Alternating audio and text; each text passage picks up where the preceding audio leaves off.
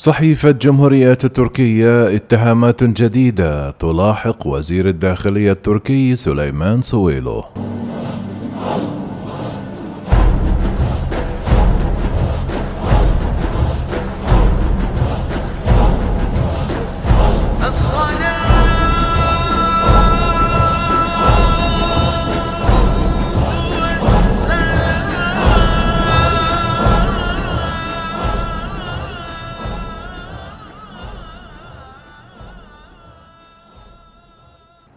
تتوالى الاتهامات بحق وزير الداخلية التركي سليمان سويلو منذ أن كشف زعيم المافيا المعروف سادات بكر قبل أسابيع أن الوزير منحه امتيازات حكومية وقدم له معلومات سرية سمحت بهروبه من تركيا لكن هذه المرة كشفت صحيفة تركيا معارضة أن سويلو متورط باستخدام طائرة خاصة لرجل أعمال تركي اعتقلته النمسا قبل أسبوع.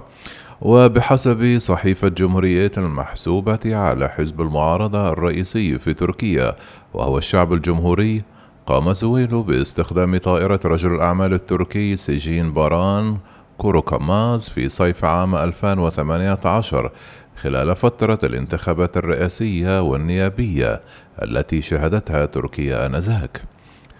وكوركوماز مطلوب لدى الولايات المتحدة التي تتهمه بالاحتيال واختلاس أكثر من 500 مليون دولار من الإعانات كما تطالب واشنطن فيينا بتسليمه إليها بعدما ألقت السلطات النمساوية القبض عليه يوم 20 يونيو الجاري.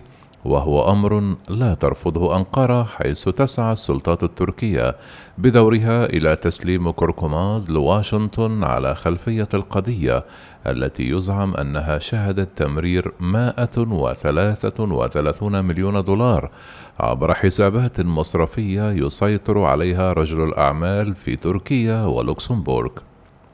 وذكرت الصحيفة المعارضة في تقريرها الذي كتبه الصحفي تونكاي مولافيس أوغلو أن سويلو تعامل مع طائرة رجل الأعمال التي تبلغ قيمتها 54 مليون دولار.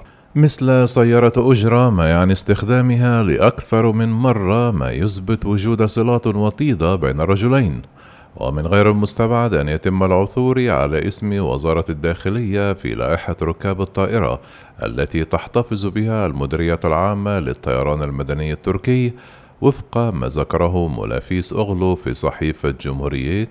لكن القضاء التركي لم يتحرك بشأن هذه الاتهامات الجديدة على ما أفاد مصدر في البرلمان التركي.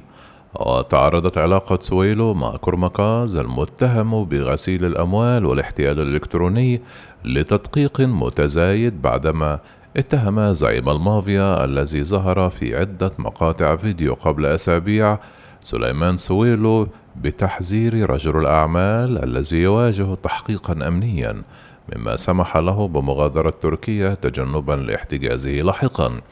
وكان زعيم المافيا بكر قد اتهم أيضا وزير الداخلية بتلقي أموال من فاروق فاتح أزور الذي هرب من تركيا إلى ألبانيا. على خلفية احتياله على آلاف الأتراك بمبلغ يقدر بنحو ثلاثة مليارات دولار في عملية تداول للعملات الرقمية. وأوزر هو الرئيس التنفيذي لمنصة تداول العملات المشفرة ثودكس. كما ينفي وزير الداخلية سليمان سويلو كل التهم الموجهة إليه سواء تلك التي وردت في تقرير الصحيفة المعارضة أو التي وجهها إليه زعيم المافيا التركي وكان قد تقدم أواخر شهر مايو الماضي بدعوى قضائية بحق بكر بذريعة تشويه السمعة. ووفق ادعاءات سادات بكر فقد التقى سليمان سويلو وزير الداخلية التركي بأوزر لمدة ساعتين أواخر العام الماضي في مقر الوزارة وأخبره بإنهاء التحقيقات ليقوم رجل الأعمال بعدها بمغادرة تركيا ومنذ مطلع مايو الماضي خرج بكر في سلسلة مقاطع فيديو على موقع اليوتيوب وكشف فيها عن روابط بين كبار المسؤولين الأتراك وعصابات الجريمة المنظمة. وفي مختلف تلك المقاطع المصورة ركز بكر بشدة على سويلو لكنه أيضا اتهم أركان يلدريم نجلي رئيس الوزراء التركي السابق بالإتجار في المخدرات وتهريبها. كذلك اتهم مسؤولون آخرين في البلاد بالتورط في عمليات فساد وقتل معارضين وصحفيين من خلال تعاون السلطات مع رجال المافيات.